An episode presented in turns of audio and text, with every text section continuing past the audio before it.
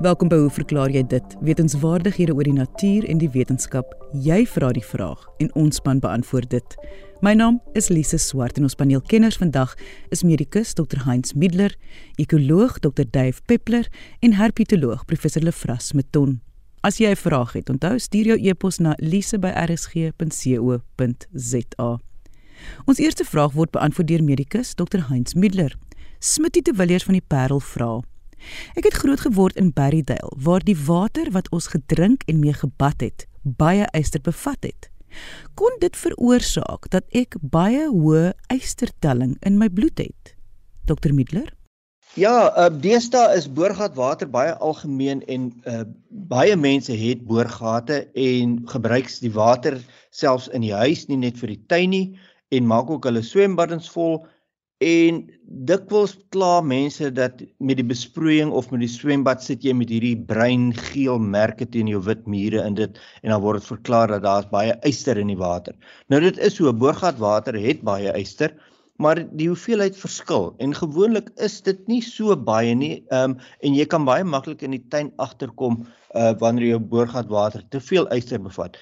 En daar is plekke byvoorbeeld soos in Kambodja wat verskriklik baie yster in die water het. En dan as jy kroniese blootstelling het aan soveel yster in jou boorgatwater, dan kan dit lei tot probleme. Nou kyk, laat ek net eerstens sê yster is nodig in jou liggaam want ons gebruik dit in ons hemoglobien. En jou hemoglobien is in jou rooi bloedselle en dit is verantwoordelik om die suurstof te dra uh, wat jy ingeasem het, wat geabsorbeer word in die hemoglobien en dit word dan na die organe geneem waar dit gebruik word. En daar speel yster 'n uh, 'n uh, absolute kardinale rol. En wanneer jy byvoorbeeld te min yster in het, dan kry kry jy anemie wat 'n bloedarmoede is en ons kan dit vasstel deur 'n bloedtelling te neem, dan kyk jy of jou HB of jou hematokrit onder 'n sekere vlak is, dan weet jy maar jy het bloedarmoedig en dan soek 'n mens die oorsaak Ehm um, in vrouens is dit redelik algemeen as hulle baie erg of swaar menstrueer of mense wat bloedings het van hulle darmkanaal sonder dat hulle weet of dan nou selfs ook die dieet. En natuurlik 'n uh, baie algemene rede vir ystertekort in kinders, die algemeenste is wurms. So yster moet ons inneem sodat ons ons nie net vir jou hemoglobien en suurstof dra vermoë nie, maar grootendeels is dit die belangrikste ding. Nou as jy kronies blootgestel word aan verhoogde ystervlakke, dan lei dit tot twee toestande. Die eerste is hemosiderose. En dit is 'n nie patologiese toestand as jy byvoorbeeld iemand wat aan hemosiderose ly, sy lewer 'n autopsie doen, dan sal jy sien daar is swart verkleuring van die lewer en dit is 'n neerlegging van 'n oormaat yster. Nou ehm um, mense wat sê maar kos maak in swart ysterpotte en elke dag dit doen, hulle is geneig gewees om ehm um, hemosiderose te kry. Maar dit beteken nie dit maak hulle siek nie. Wanneer dit nog hoër raak en jy jou orgaan begin swaar trek met al hierdie yster wat in hom ophoop, dan lei jy aan hemokromatose en dit is 'n patologiese toestand wat jou kan siek maak. So ons soek nie 'n uh, 'n kroniese verhoogde yster uh hoeveelheid nie. Nou hoe ons agter gaan kom of ons soveel yster het, is dan eerstens ook die bloedtelling, maar ons daar kan ander redes ook wees daarvoor. So ons gebruik 'n uh, ferritin vlakke in die bloed om dit te bepaal. Nou ferritin is 'n stoorproteïen vir yster en dit gee vir jou 'n goeie aanduiding hoe hoog jou ferritin is, hoeveel yster jy het. So as jy te veel het, dan kan jy jou ferritin vlakke vat, dan kan jy agterkom, jy weet jou jou boorgatwater het soveel ehm um, yster in dat jou ferritin vlakke baie hoog is en dan moet jy dalk 'n plan maak. Nou ehm um, dit is onwaarskynlik dat jy van boorgatwater hemosiderose gaan kry en dat jy sulke verhoogde vlakke van yster het, maar soos ek sê in soos in Kambodja is dit heeltemal moontlik. Ons sien net onthou interessant genoeg vir yster akute ystervergiftiging is ook 'n entiteit wat bestaan en daar is selfs 'n 'n 'n teenmiddel teen ystervergiftiging. So, ehm uh, yster is nie 'n mak element nie. Ehm um, ons moet ons hoeveelhede reguleer en ons moet weet dat ons nie te min inneem nie en ons moet ook nie te veel inneem nie. En hoe ons dit kan monitor is deur ferritin vlakke in die bloed te doen. En dit was medikus Dr. Heinz Middler. Volgende gaan herpetoloog Professor Lefras Meton 'n paar luisteraars se vrae oor likkewaande beantwoord.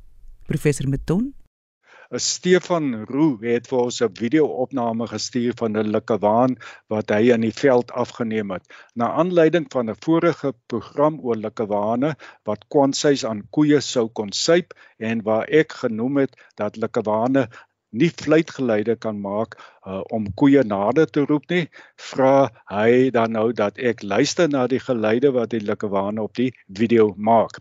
Kom ons luister na Stefan se klankgreep. Ons het probeer om die klank so duidelik moontlik te maak, so fokus op die blaasgeluid.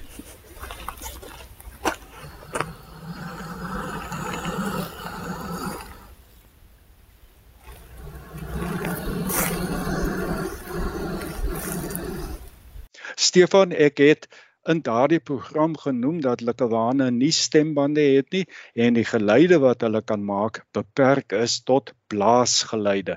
In jou opname kan 'n mens dan nou duidelik die waarskuwende blaasgeluide hoor wat die likkewaan maak. Die ander geluide is maar soos hy nou deur die plante groei beweeg. Dankie vir jou terugvoering hieroor. Na aanleiding van dieselfde program oor of likkewane aan 'n koei kan drink, wil Henny Sibrits van vereniging weet waarom likkewane soveel groter as ander akedisse is. Likkewane is akedisse net soos wat geitjies, kolgemannes, verkleemannetjies en skinke om nog maar net 'n paar te noem akedisse is. Die familie Varanidae is een van die Akedus families en sluit die ongeveer 80 spesies van likkewane in wat vandag nog lewe. Liggaamslengte van likkewane varieer vanaf relatief klein, sê so omtrent 20 cm tot oor die 3 meter. Dis baie groot. Die meeste soorte is egter relatief groot. As ons nou na die 10 grootste akedusse kyk wat vandag lewe, is Die eerste 7 op die lys, almal likkewane. By die Komodo draak van die Indonesiese eilande Komodo, Rinca, Flores en Kilimantan die grootste. Nou hierdie likkewaan kan tot 3 meter lank word en tot 70 kg weeg. Die wêreld se grootste akedus vir alle tye is die uitgestorwe likkewaan Megalania van Australië wat 5 meter lank geword het. Die Komodo draak is die top predator op die eilande waar dit voorkom en sy prooi prooi sluit onder andere ook groot soogdiere soos bokke en waterbuffels in. Dit is interessant dat die Komodo draak in groepe saam jag, 'n uitsonderlike verskynsel onder akedisse. Daar was aanvanklik geglo dat hierdie akedus in die verre verlede so groot geword het om jag te kan maak op die dwergolifantjies van die genus Stegodon wat ook op die eilande voorgekom het.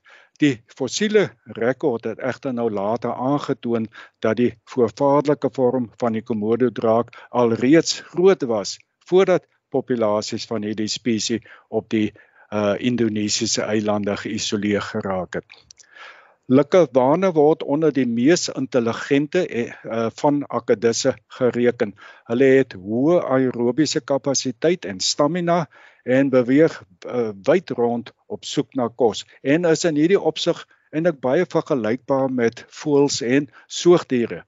In 2013 is daar ontdek dat hulle uh deurvloei longe soos voëls en krokodille het met behulp van 'n stelsel van lugsakke vloei lug voortdurend in een rigting deur die longe selfs wanneer hulle uitasem.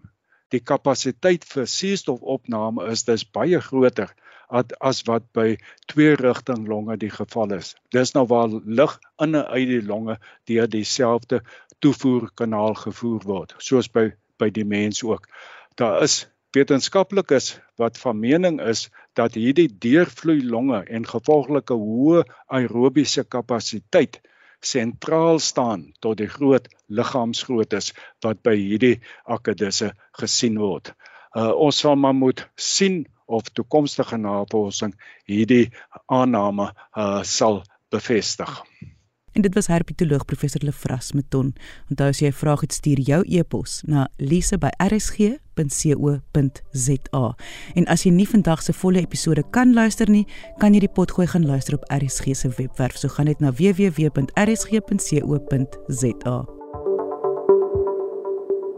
Ons laaste vraag van die dag kom van Willem van Heerden en gaan deur ekoloog Dr. Dave Peppler beantwoord word. Willem skryf: 'n Paar weke gelede het ek gekuier by my seun in die wieg van die mensdom. Saterdagoggend het ons gaan stap en op 'n koppie gaan sit om te rus. Toe sien ons twee witborskraaie aangevlieg kom.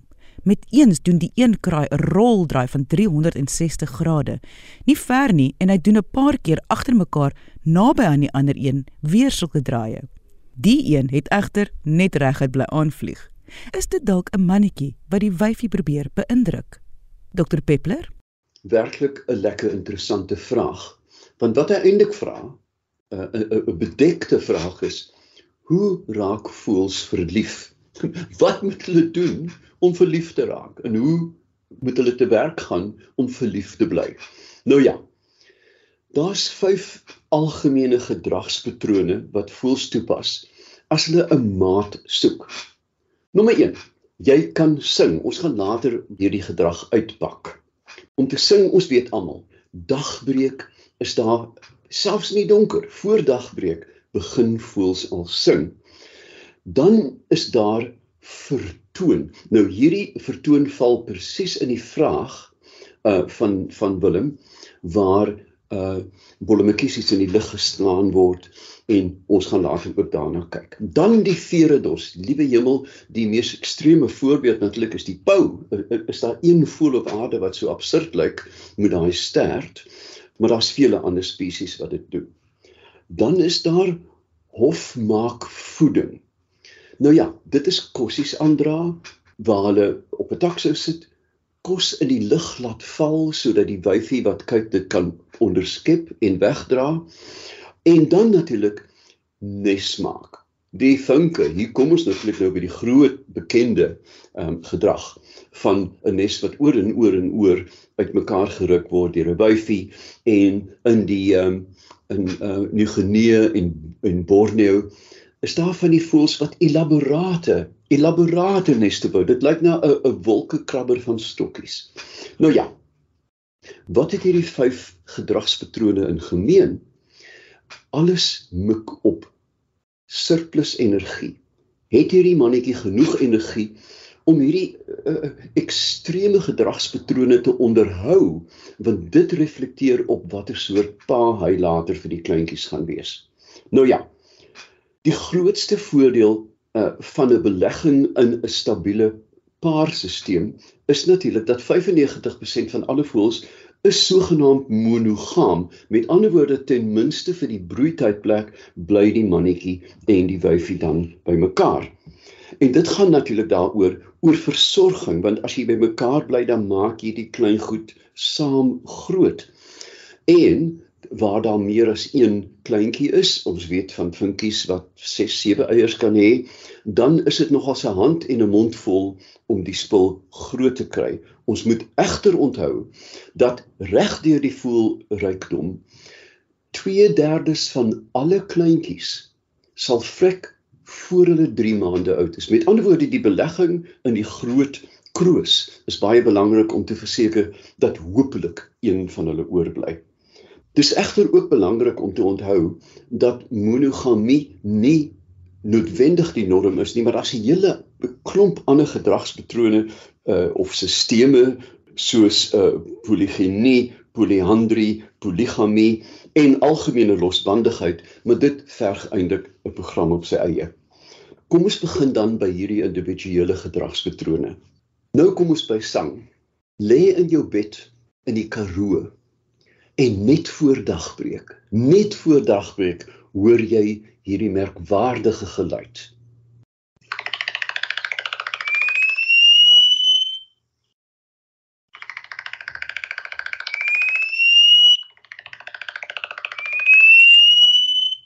En hierdie geluid Lise sê vir my ek is in die Karoo en die die klappertjie. Daar's die Hoëveld klappertjie en ook die uh, die Kaapse klappertjie. Um hulle is ook bekend as die dagbrekertjie. Hierdie piepklein voeltjie vlieg loodreg in die lug op met vlekkies wat klap. Vrrrt, en dan as hy bo kom, sprei hy die vlerke en in 'n spiraal sing hy toei. Vrrrt, Toei. Hy doen dit regtig nie omdat hy bly is om die son te sien nie, maar hooplik dat daar 'n wyfie sit en kyk. Daar is 'n mate van territorialiteit ook ingesluit, maar hierdie gedrag is vir die dames. En dan ter plaatse in Stellenbosch uit my eie kamervenster voor dagbreek hoor ek dit.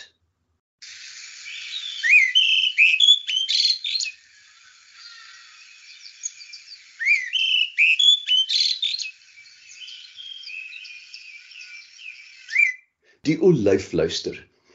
Olyfluisters is van die vir my een van die van die mees verruklike sangers. Die die luisters in Europa sing soos knape in 'n kathedraal. Die hemel weet is die mooiste geluide. En dan is daar nog 'n alombekende om ons huise, die Jan Frederik.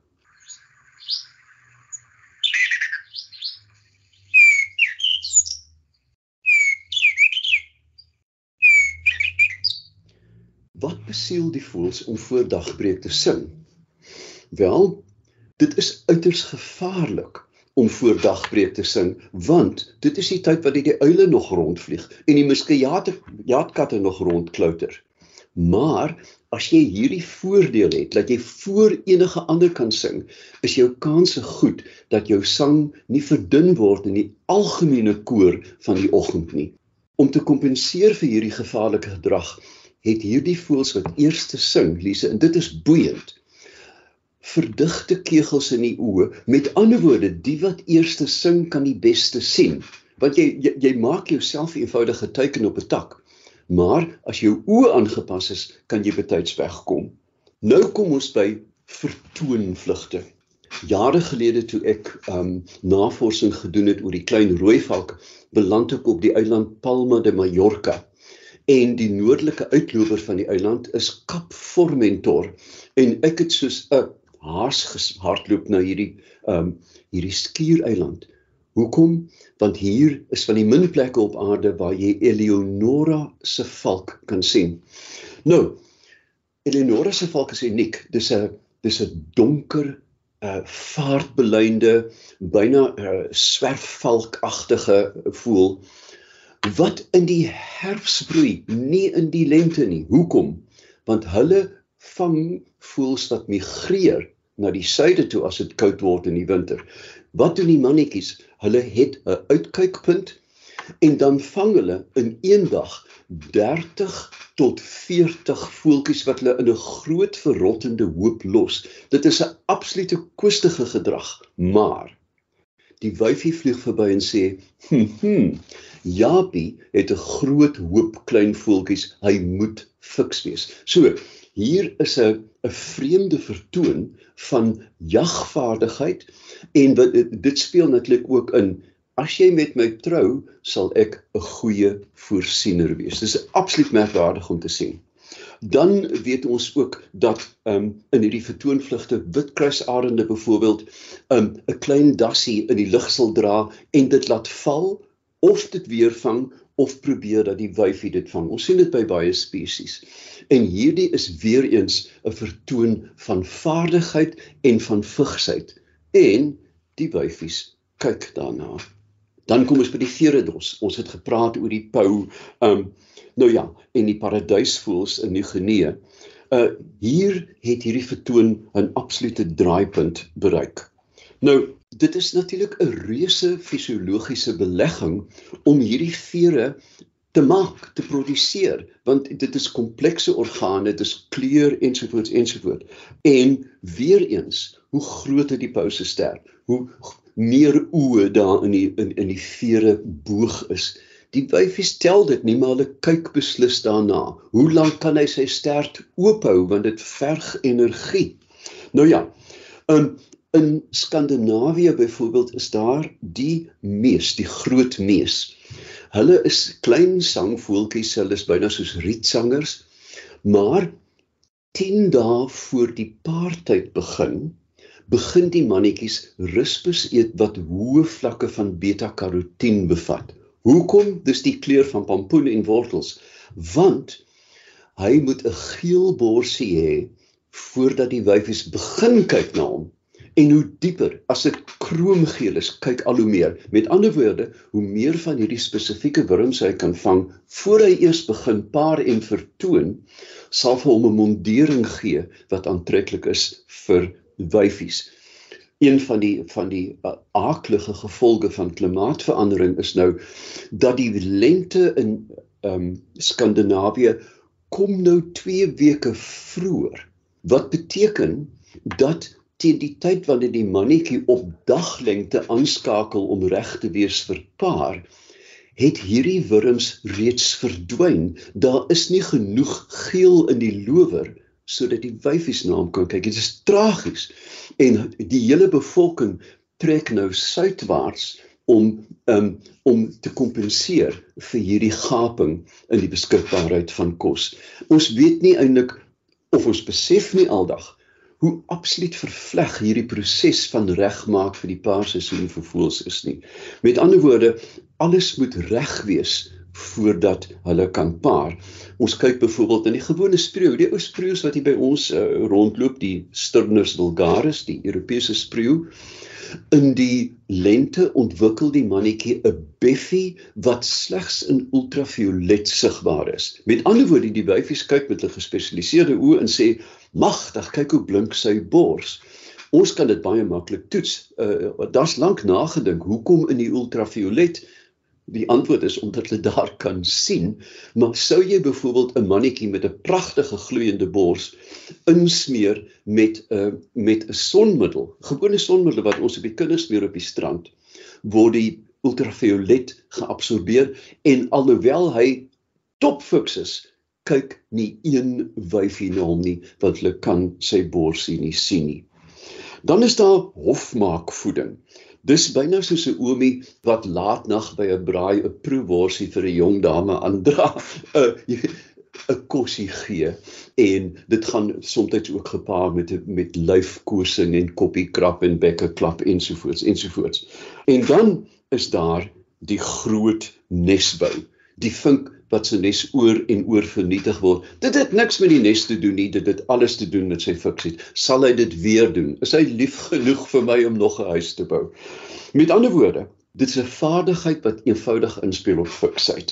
Um ons kyk na die paradysvoëls van Nieu-Guinea. Daar is van die spesies daar wat elaborate uh, stoknet. Dit lyk na 'n klein wolkekrabber van stokkies. En hoe hoër die ding is en hoe meer blinkertjies daarop is, hoe meer sal die wyfies na uh, wyfies na hom kom.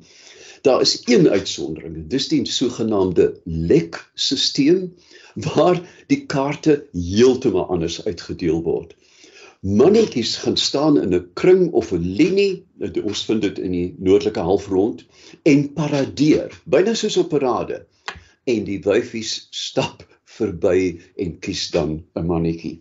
Ehm um, met ander woorde, hierdie vraag speel in op 'n elaborate en baie komplekse gedrag waarvan hierdie kraaie wat 'n bolomekiesie slaan in die lug maar, maar slegs een aspek was.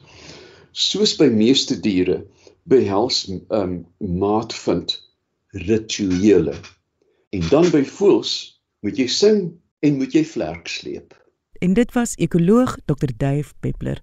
Daar is 'n vraag, het stuur jou e-pos na lise@rsg.co.za. Jy mag onder 'n skuilnaam skryf of vra om anoniem te bly. Ek sê baie dankie aan ons kenners en vraagstellers vandag. Onthou om altyd nuuskierig te bly en vra te vra. Tot volgende week hier op RSG saam met my, Lise Swart. Totsiens.